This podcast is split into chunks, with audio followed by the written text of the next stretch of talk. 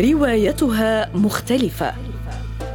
فللزوجة والحبيبة والابنة تأشيرة دخول إلى دهاليز العواطف والأفكار والحوادث لا يمتلكها أي شخص آخر.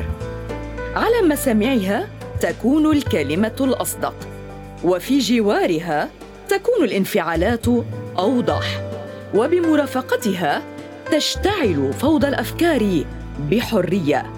هي باختصار على مسافة صفر من فرحه وحزنه. لذلك لجأنا إليها نحن لا عبثا ولا تسلية ولا فضولا. إنما لنقترب أكثر من ملامح رجال دخلوا التاريخ من بابه العريض. فكان بودكاست كما روت.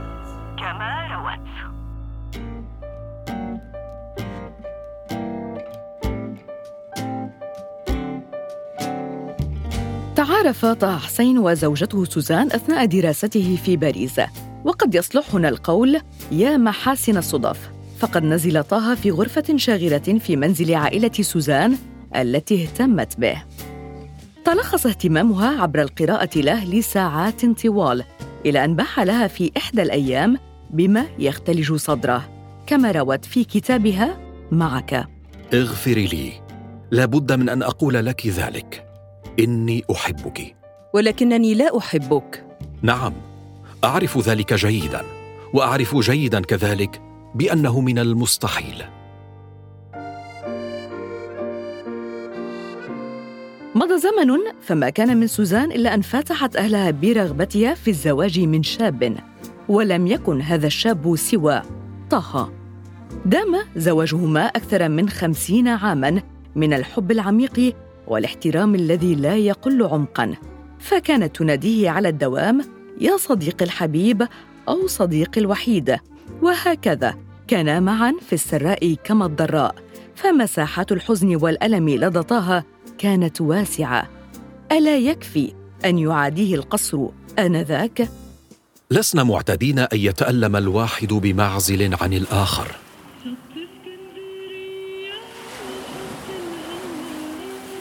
لم تكن سوزان زوجته وحبيبته وصديقته فحسب إنما ملهمته أيضا. فقد كان يؤثر الذهاب إلى الإسكندرية ليتنفس الهواء الآتي من فرنسا مباشرة حيث كانت تتردد كثيرا. ما أغرب الأمر؟ كنت أظن أنني ساتعزى في غيابك بإنتاج غزير ولكني لا أنتج شيئا. رحلت فلحق بك ذكائي كل قلبي. كل نفسي كل شيء. ماذا أقول؟ أولم تحمل كل ذلك معك؟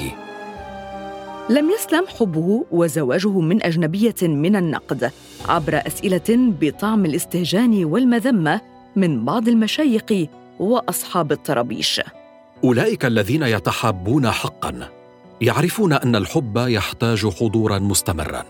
كما أني قابلت فتاة أحببتها فتزوجتها. ولو لم أفعل لبقيت عازبا أو لتزوجت نفاقا من امرأة مصرية وكنت سأجعل منها امرأة تعيسة. وحين يحضر الحب لابد من أن تحضر الموسيقى.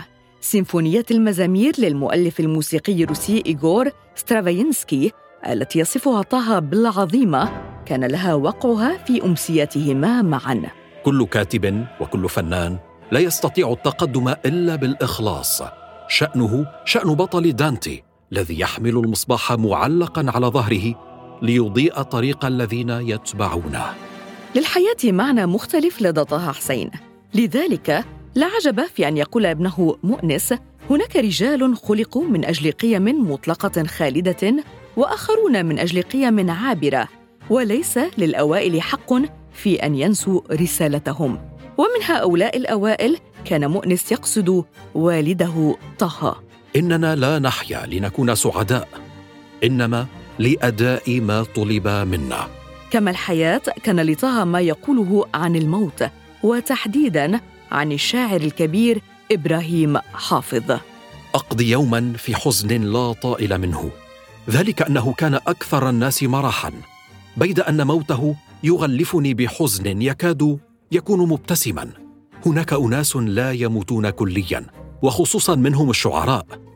لن أستمع ابدا إلى صوت حافظ لكني سأستمع دوما إلى روحه وسأراها في كل مرة أشعر بالفرح أو بالحزن وهو ما يعزيني قليلا.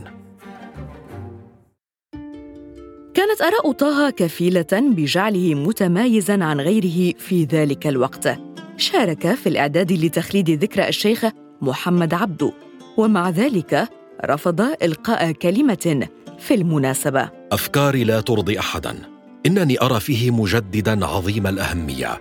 لكنه حمل نصوص الإسلام أكثر مما تحمل لكي يجعلها تتفق والعلم الحديث. ومن آرائه الراسخة قوله المأثور قد تكون الحرب العالمية انتهت بالقنبلة الذرية لكنها تركت قنبلة زمنية اسمها فلسطين. كما آراؤه وأفكاره كانت كتبه التي فاق عددها الخمسين محط أخذ ورد وصل إلى حد التهديد بالموت. هذا حال كتاب الشعر الجاهلية أما الأيام فلم يولد إلا من رحم المرارة التي أحس بها جراء الحملات القاسية التي لم تتوقف قط. مؤسس جامعة الإسكندرية كان له أثره في وزارة التربية التي استلمها في أحد الأيام. حتى قيل فيه إن رؤيته في وزارته هي رؤية قائد على رأس جيشه. وهذا ليس إلا جزءاً مقتضباً مما كتبه عنه عالم ألماني كفيف في إحدى المجلات الأجنبية. عندما توجبت مناقشة ميزانية وزارته في البرلمان كان النواب ينتظرون بفارغ الصبر أن يروا كيف سيتصرف الأعمى في أثناء المناقشات. خصوصا كيف سيدافع عن ميزانيته.